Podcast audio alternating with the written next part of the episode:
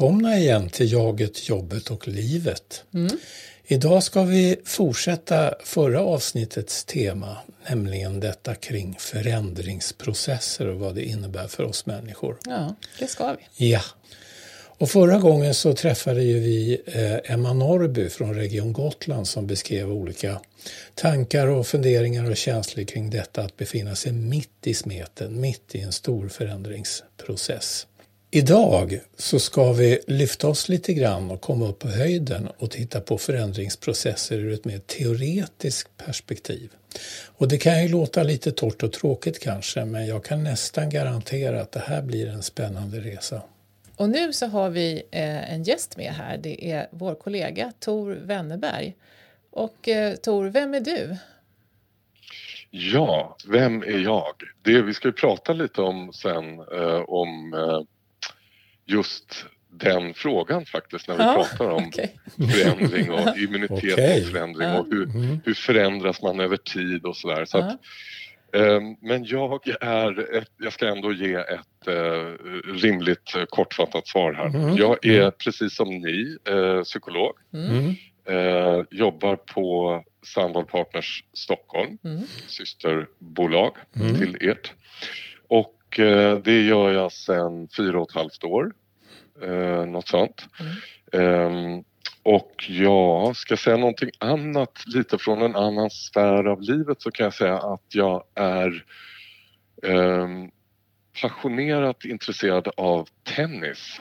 Okej. Okay. Eh, mm. Ja, och det är ett sånt här intresse som har vuxit med stormstyrka eh, de senaste kanske sju, åtta månaderna. Jaha, så att, eh, okay. Ja, mm. Spelade senast igår. Mm. Mm. Inte paddel då, utan mm. tennis? Nej. Mm. Jag tycker att tennis har något som Paddel är en sån nymodighet, ja. inget fel på det, men tennis har ju den här liksom kulturella patinan och långa historien bakom okay. Det låter nästan som vi skulle haft med dig också i våran podd här för ett par avsnitt sen om återhämtning. För ja. det låter ju som en väldigt ja. härlig avkoppling också för dig från ja. psykolog och konsultarbetet. Ja, mm. Mm. Mm.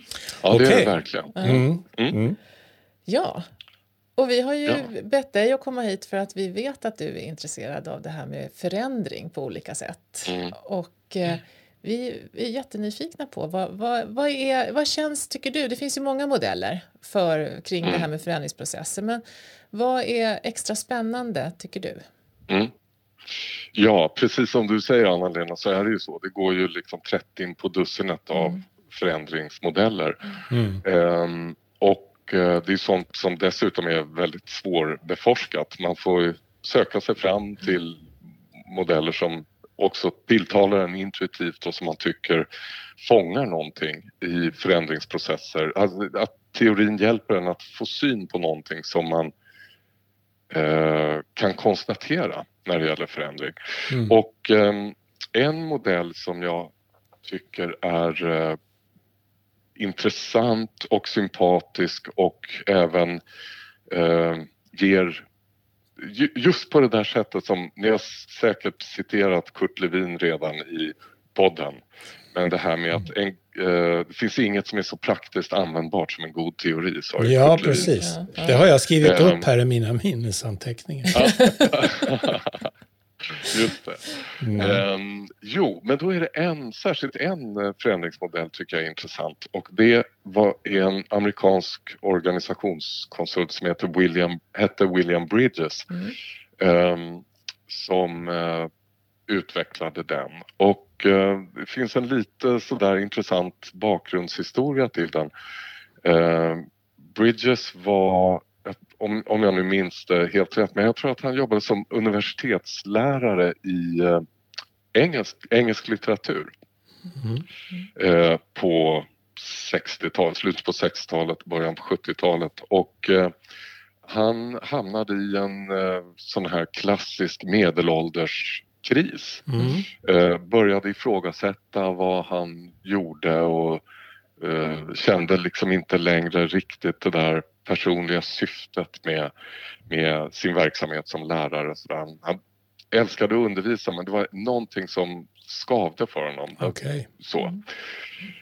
Och eh, då bestämde han sig för att uh, göra en förändring i sitt liv och han tog med sig familjen och flyttade ut på landet i Kalifornien till en sån här community, lite gröna vågen-aktig. Mm. Mm. Um, och uh, det var väldigt bra och tillfredsställande men det var ändå fortfarande hade han den här upplevelsen av att det var någonting som fattades och uh, han hade ja, känslor av tomhet, förvirring, visste inte vad han skulle göra mm. helt enkelt. Vad han, vad han skulle göra med resten av sitt liv.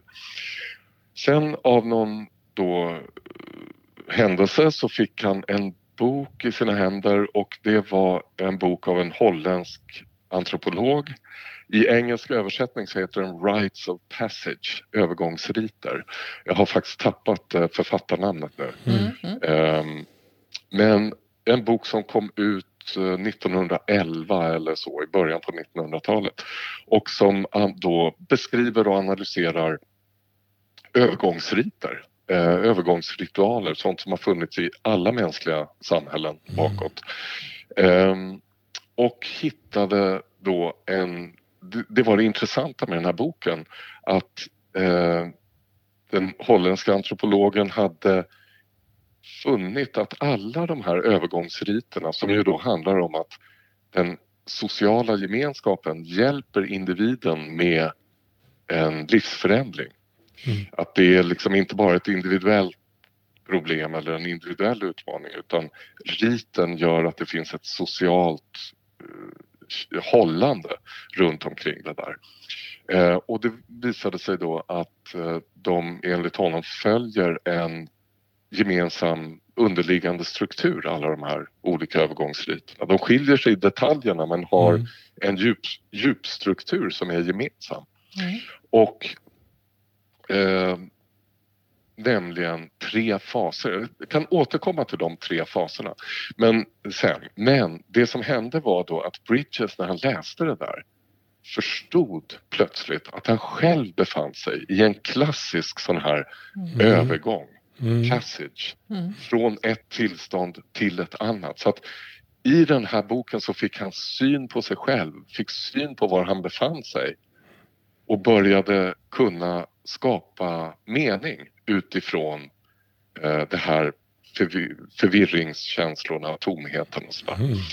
Och så småningom då så började han istället ägna sig åt att hjälpa människor, hålla workshops och sådär och hjälpa människor med förändring, livsförändringar och sen mm. så småningom börjar han också jobba med organisationer och okay. förändringar i organisationer. Mm. Ja, Vad spännande. Fascinerande. Ja. Mm. Han liksom levde sig in i, i sin egen modell på något vis då. ja. ja. Exakt, exakt. Det var så här upplevelsebaserat, alltså ja. levd egen erfarenhet. Ja. Och sen mm. så var det ju också någonting han insåg när han läste den där och vi ska ju återkomma till vad de här tre faserna är. Men mm. det han fick syn på var ju någonting som är mycket eh, den moderna västerländska människans dilemma, att vi blir väldigt ensamma. Vi har mm. inte lika mycket av de här hållande riterna eh, Eh, och, och den sociala gemenskapen runt mm. omkring oss på samma sätt. Mm.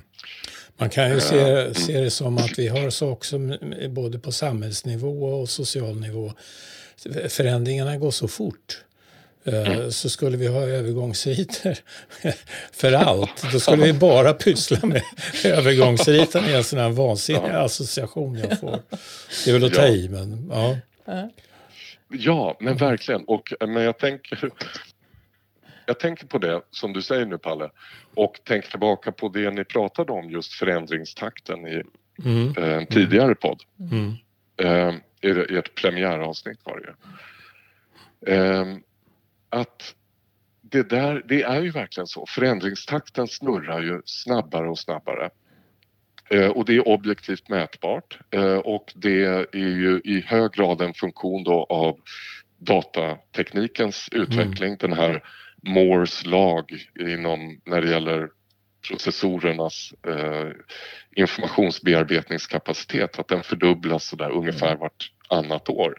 Mm. Och den lagen har gällt sedan 50-talet någon gång och det innebär ju att det är en sån här exponentiell eh, ökningstakt. Mm. Och mm. nu pratar man ju om att vi är inne i det man beskriver som den andra halvan av schackbrädet där det där börjar snurra så fort att det blir svårare och svårare för oss kolbaserade organismer att hänga med i det där. Ja, ja. Och, eh, och apropå precis det du säger, då skulle vi om, om, om vi skulle ha övergångsriter för alla dessa förändringar, mm. ja, då mm. skulle vi inte göra någonting annat. Mm. Men de där övergångsriterna är just anpassade för oss kolbaserade organismer. Mm. Det tar tid för människor att mm. anpassa sig till förändringar och man kan verkligen fråga sig på vems villkor snurrar förändringshjulen så snabbt som de gör nu?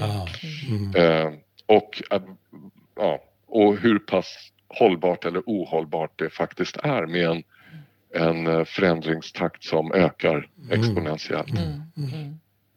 Det intressanta är ju att det är vi själva också som driver på. Alltså det är inte, det är inte någon övernaturlig mm. kraft som, som driver utan vi är Nej. i och driver på något mm. som vi själva får svårt att, att managera. Ja. det är ju ja. rätt liksom, humoristiskt på något vis. Ja.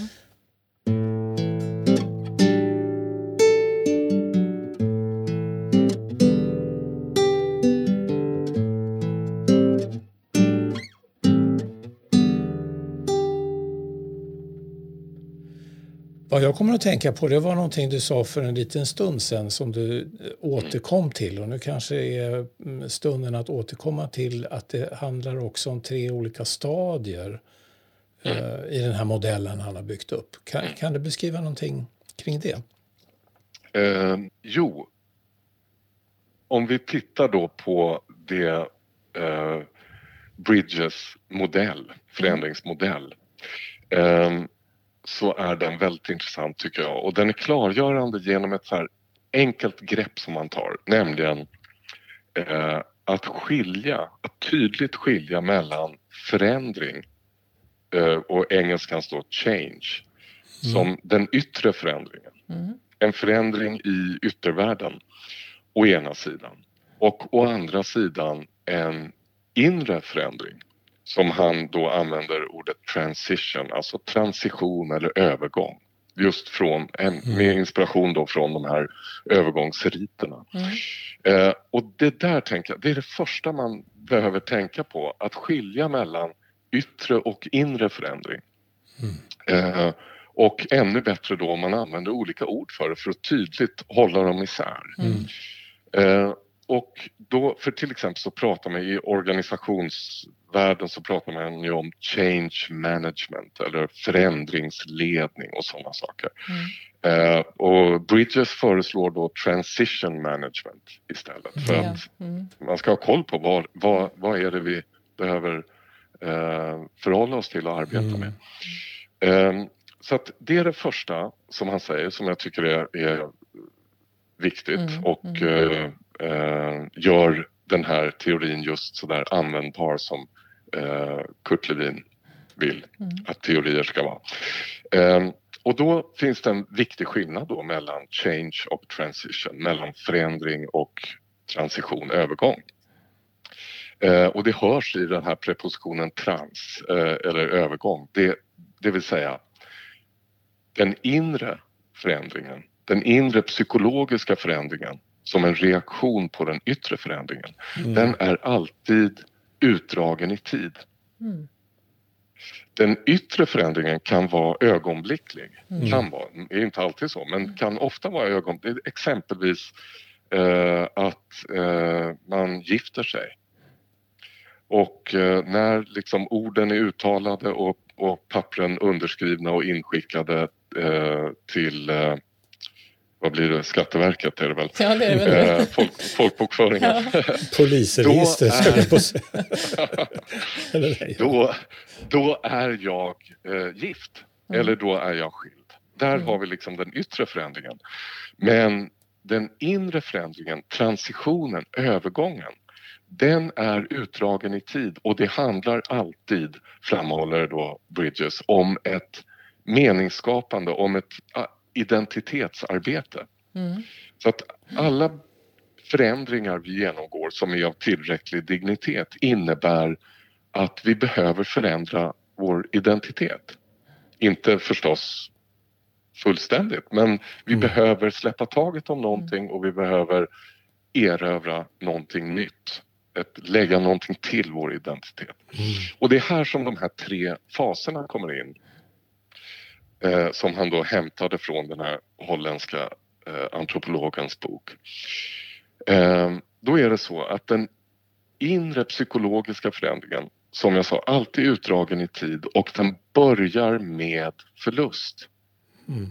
Börjar med en första fas som han kallar letting go, släppa taget. Mm.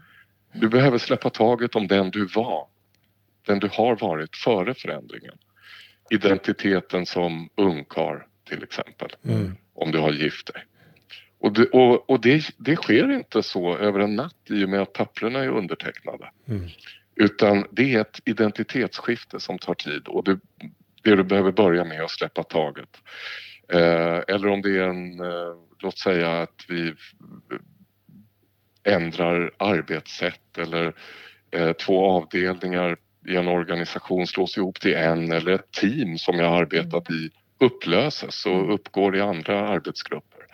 Behöver släppa taget om någonting eh, som har varit en del av mig därför att vi tenderar som människor också att identifiera oss med våra livsomständigheter. Eh, så att min teamtillhörighet, om jag, låt säga att jag varit i ett riktigt bra team eh, och eh, då behöva släppa taget om den jag har varit i det sammanhanget. Och så att den första fasen är då att släppa taget och det är helt enkelt då förlust. Det är någonting, även när det är en önskad förändring mm. som vi verkligen vill uppnå mm. så finns det så gott som alltid med ett, något element av förlust mm. i det. Och det är väl det, mm. tänker jag, som, som vi pratade om i förra avsnittet här med, med den här dubbla känslorna, mm. alltså ambivalensen. Ja. Mm. Tänker jag. Exakt. Kan man förstå på det här sättet? Ja. Jag, jag, hade på tunga just om man då har varit medlem i ett väldigt dåligt team där man har vantrivts mm. så skulle man ja. kunna tro då att åh, då liksom svävar man på moln när ja. teamet har upplösts. Men så är det säkert inte för många utan att man, man är kvar i man kanske fick ut någonting också av att vara missnöjd med teamet. Apropå att vi kan liksom kanalisera olika frustrationer så att säga mm. åt alla håll och kanter. Och det måste ja, man då släppa taget om. Mm. Mm. Ja. Ja. Men tänk till exempel, du har varit i ett här riktigt dåligt fungerande team, otryggt klimat. Mm. Men där kanske du har hittat någon, alltså en subgrupp, det är någon mm. som du känner att du har kunnat få stöd av i det mm. där mm. Mm. svåruthärdliga gruppklimatet till exempel, eller vad det nu skulle kunna vara. Men det tenderar att finnas någonting. Ja visst, men jag ehm. tänker också i ett sånt läge, man kan ju vara väldigt, man kan ju uppleva sig själv som den som ser saker, den som den rättrådige och så. Mm. Mm. Med, bland en massa folk som inte gör som de ska. Och så där. Det är mm. en ganska behaglig position också på sätt och vis, även om man ja. kan lida av det. Så att, nej, men, mm. det där är jätteintressant ju, den förlust, ja. förlusttemat. Mm. Ja. Förlusttemat, mm. förlustdimensionen. Eller för att ta ett annat exempel då. Eh, ett, ett par som får sitt första hett efterlängtade barn mm. tillsammans. Uh, och måste släppa taget om sin tvåsamhet mm. för mm. alltid. Mm. Den kommer aldrig finnas på samma sätt Nej. igen. Nej, Delar av den. Uh, så. Men ja, så att det där och då, apropå det här som det vi liksom är så vana att prata om så här förändringsmotstånd och mm. förändring väcker motstånd och sådär. Så utifrån det här perspektivet så är det där lite av en sån här misnomer, en felaktig benämning. Att mm. mm. det, är inte, det är inte förändring som vi människor gör motstånd mot. Uh, tvärtom är ju vi som art väldigt, väldigt förändringsbenägna. Mm. Uh, långt mer än någon annan eh, djurarter är vi liksom öppna mm. för nytt och göra annorlunda och så här. Men eh, däremot förlust, själva förlustdimensionen i mm. Trend, det är det som väcker motstånd. Mm. Och det är vi ofta inte alltid så fullt medvetna om vad det är mm. som skapar det där skavet eller obehaget. Så. Mm. Um, för förlust, det har vi människor naturligt en aversion mot. Mm. Förlustaversion pratar man ju om inom, inom psykologin. Ja, men däremot om vi då lyckas med det där att släppa taget tillräckligt för mm. att eh, vi ska kunna gå vidare i den här övergångstransitionsprocessen. Då kommer vi in i nästa fas. Mm. Um, och det är, det, nästa fas är ett slags sånt här ingenmansland. Lite som såna här ökenvandringar i ö, övergångsriter. Man ska vistas tre veckor ute i öknen och överleva på det som finns där och sen mm. komma tillbaka förändrad. Men um, uh, och Bridges kallar det för den neutrala zonen the neutral zone. Uh, och det är verkligen, det låter lite in, intetsägande sådär men, men ingenmansland är en bra beteckning på det. Mm. Det vill säga, vi har släppt taget om någonting uh, men ännu inte hittat fram till eller erövrat den här nya identiteten som förändringen ska innebära. Och då är vi i ett då, ingenmansland, ett tomrum. Jag vet inte längre riktigt vem jag är för jag har släppt taget om aspekter av vem jag var och inte heller vem jag kommer att bli. Mm. Och då är det ju inte känslor, i den första, det här släppa taget så är det ju känslor av eh, förlust, alltså sorg, kanske ilska, frustration. Eh, I det här mellan eh, det mellanliggande ingenmanslandet, då är det istället känslor av tomhet och förvirring.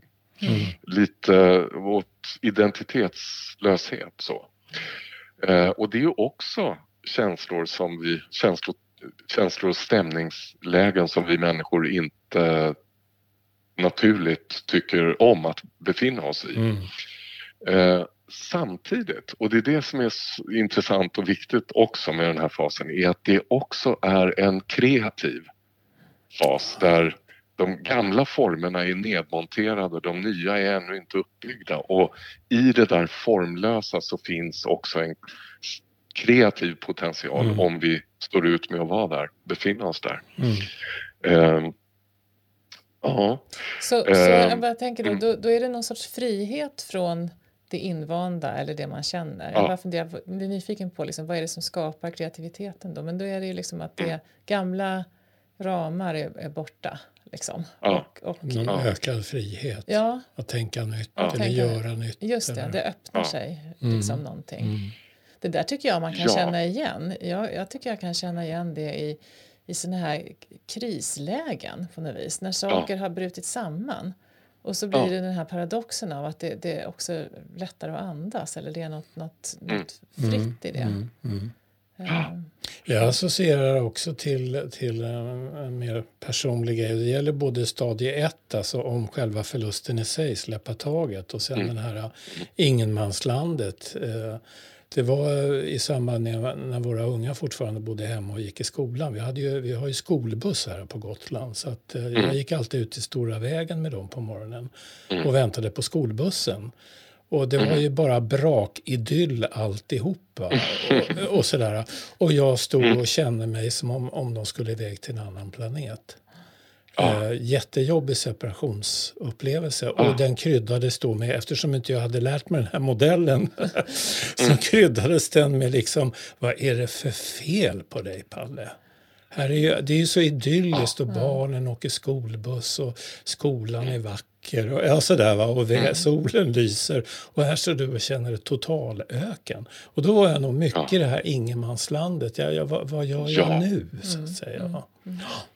Ja, men kom... Vilket bra exempel. Ja, Jättebra. Ja. Jag, ja, för där tänker jag sådär, där är det så här, barnen börjar nu åka till skolan. Eh, det är ju en sån här yttre förändring och du behövde göra ett identitetsarbete ja, där visst, på visst. precis det här. Nämligen, jag är inte längre jag är förälder i en annan fas i mina barns liv än jag mm. har varit och vant mig vid att vara. Mm. De behöver inte mig på samma sätt. Mm. Andra vuxna kommer börja spela en allt större roll i deras liv. Um, och då eh, helt naturligt, det utlöser en sån här transitionsprocess mm. inuti dig. Och mm.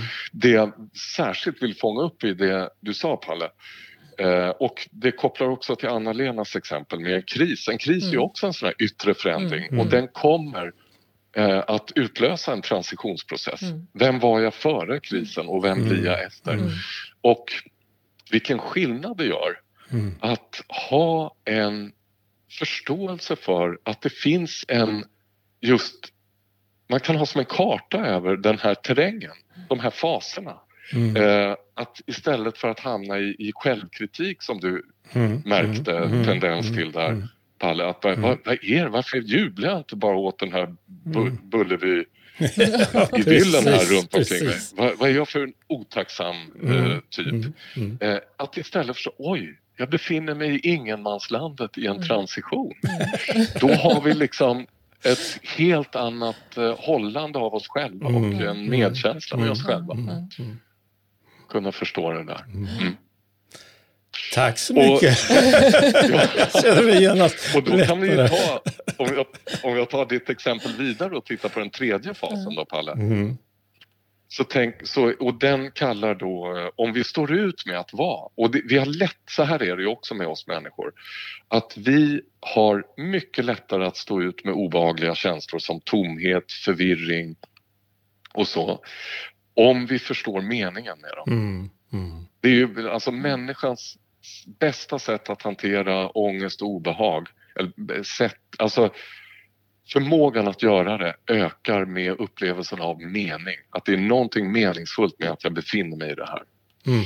Eh, det, det liksom stärker vår förmåga att eh, härbärgera och så. Mm. Och den tredje fasen då kallar han för a new beginning, en ny början. Mm.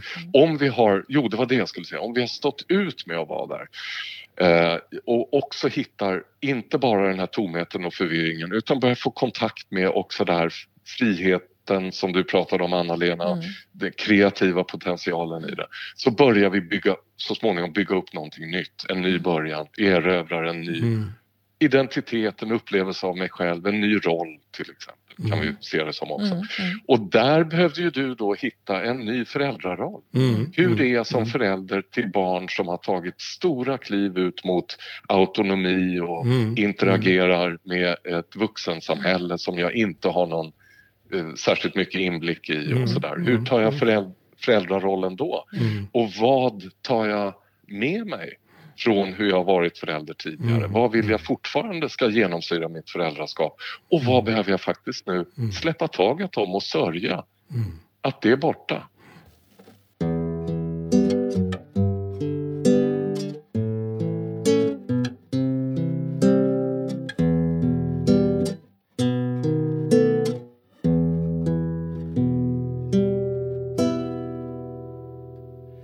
Jag kommer att tänka på det är ju att det här är ett väldigt personligt exempel. Och det handlar om ganska starka känslor och erfarenheter och upplevelser. Och det, men det är lätt, försvinnande lätt att tro att på en arbetsplats så borde det i alla fall inte vara så pass eh, vad ska vi säga, djupgående som mm. det kan bli i, mera i privatlivet och så vidare. Och det är intressant med den här modellen, då får man ju syn på att det kan vara riktigt starka grejer som går igång på en mm. arbetsplats, även om den yttre förändringen kan te sig ganska banal mm. eller enkel mm. eller saklig, ja. eller man ska uttrycka det. Ja.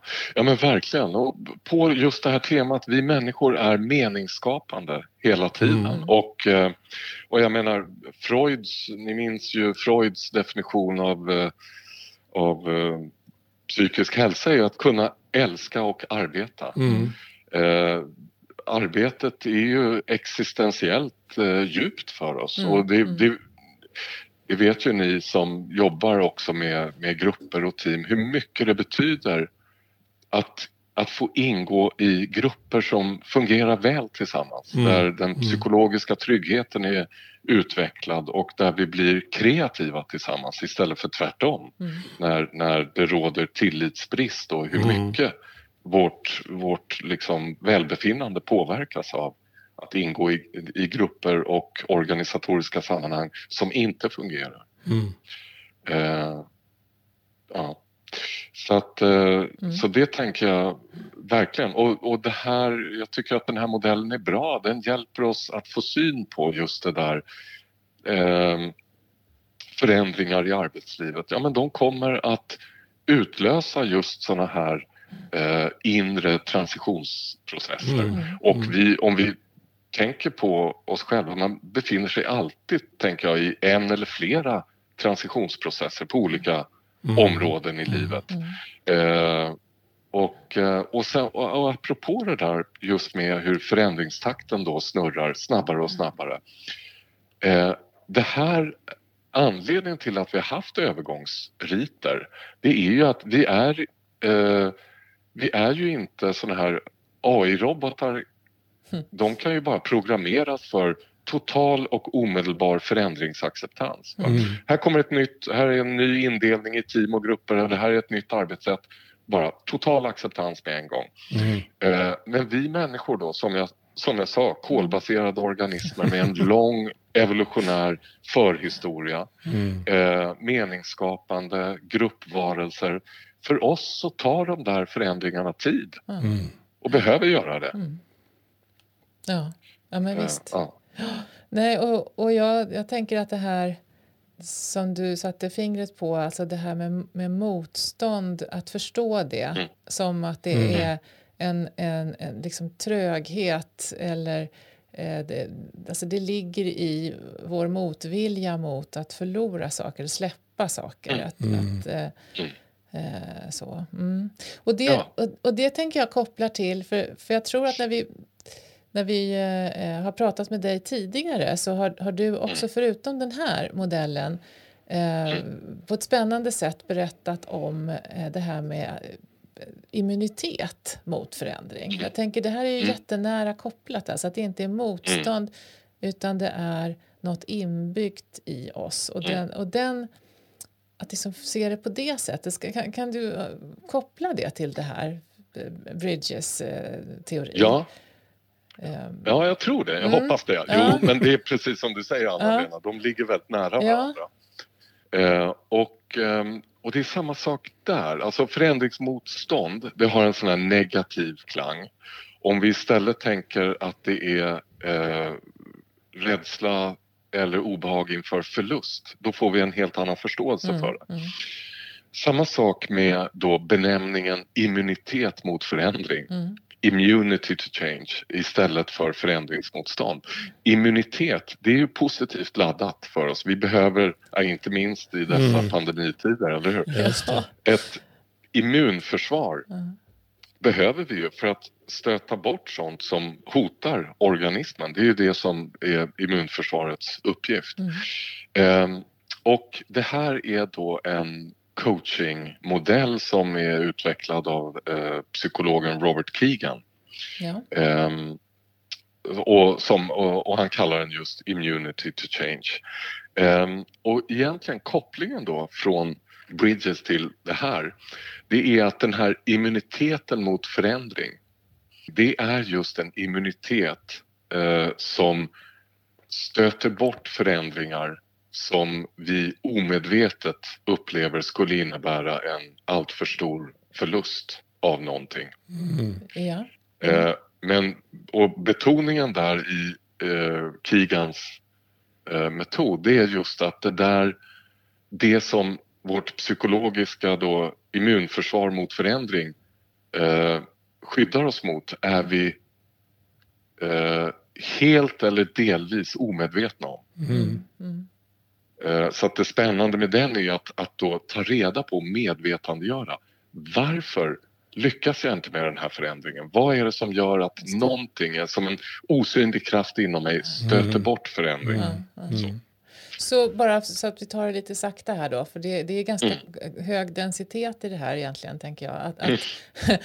att, att, det är alltså eh, det är något vi fångar upp, fast vi inte riktigt är mm. medvetna om det, i det som händer, som på något vis säger att här hotar, det är så olikt så att det hotar att vi, måste, vi kommer att förlora någonting av det vi har och det ja. vi vet. Ja. Ja. Och det där Precis. fångar vi liksom utan att vi kanske är, är riktigt intellektuellt ser det. Mm. Liksom. Mm. Vi känner av det är något på gång ja. här som luktar ja. ja. olikhet. Ja, mm. ja mm. Exakt. Mm. Det är olikhet. Det är en mm. olikhet som mm. stöts bort. Precis. Och det, um, okay. och det är det som kan också ligga bakom att till exempel medarbetare, chefer i en organisation som själva kanske har initierat en förändringsprocess mm. eller som verkligen uttalat och verkligen ärligt och autentiskt tycker att det här kommer att bli jättebra. Mm. Och sen med andra handen så att säga så motarbetar man det eller mm. ställer till det mm. för sig. Uh, det är också intressant alltså att som en förståelsemodell ja. bakom det här. Varför, varför är vi så konstiga, vi mm, människor? Mm, eller, ja. Jag tycker ju att det här ska bli så bra. Varför mm. beter jag mig då på ett sätt som gör att folk blir misstänksamma mot det här? Eller ja, vad det nu kan vara. Mm. Ja, just det. Precis.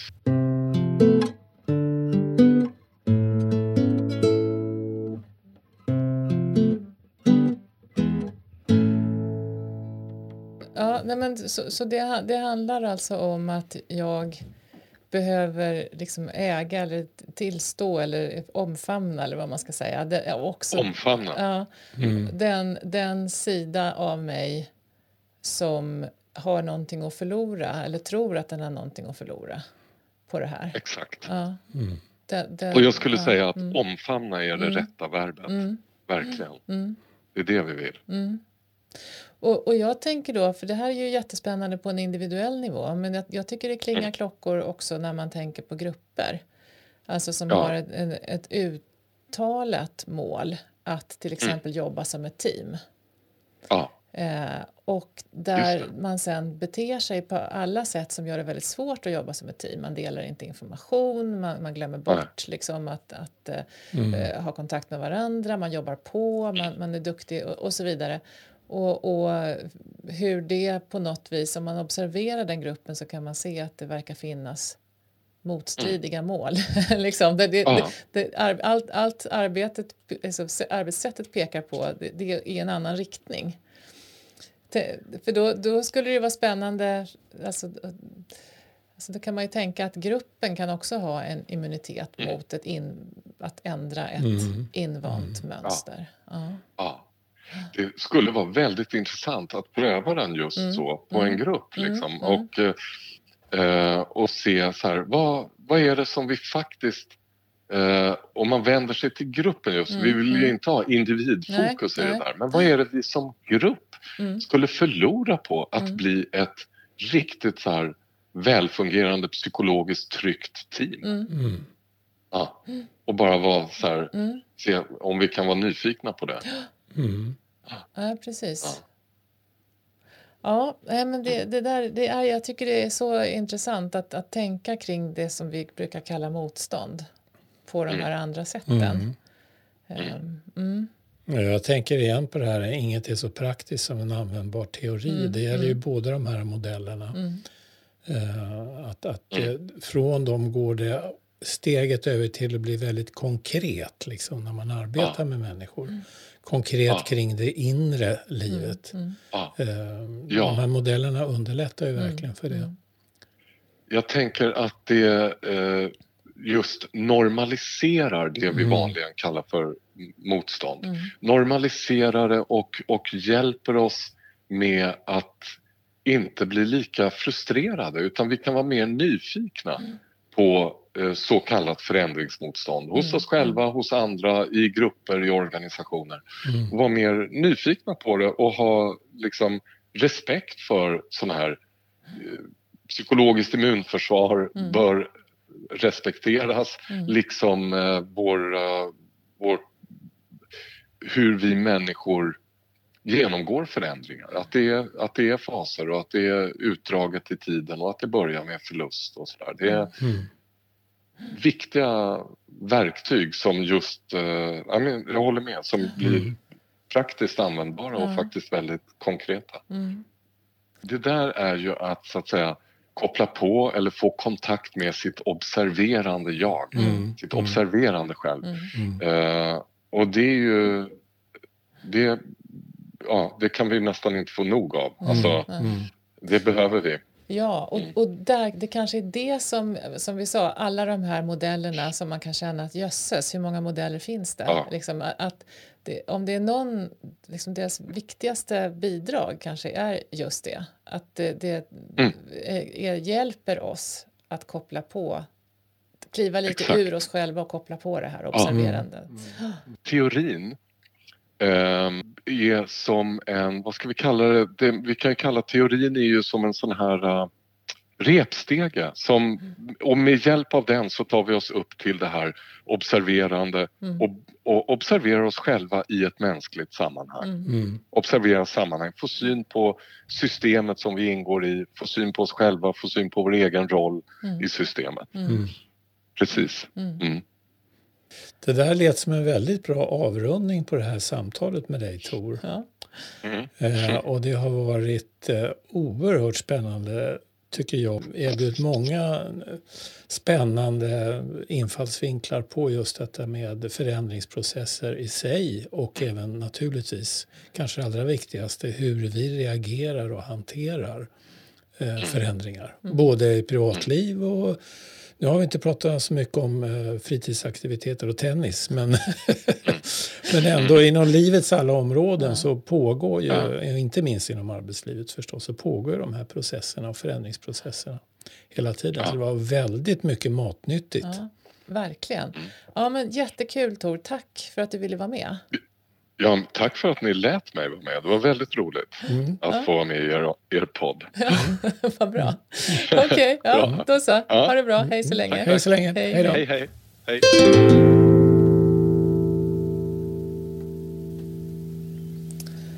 Ja, det är många saker att tänka på mm. utifrån det här samtalet, mm. känner jag.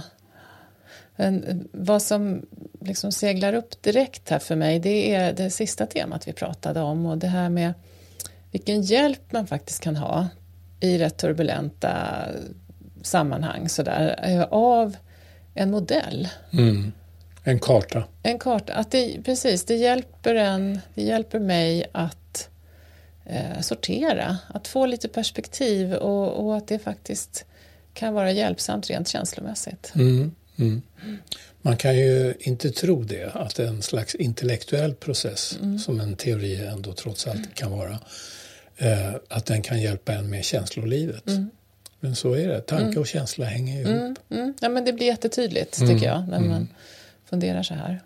En annan sak som jag började fundera över eh, det var detta med att sänka garden. Det vill säga att för att kunna samtala om de här sakerna, apropå att man gör förluster och mm. kunna vara öppen kring det på en arbetsplats i en familj. Det, det är ju att sänka garden, mm. att blotta sig. Mm.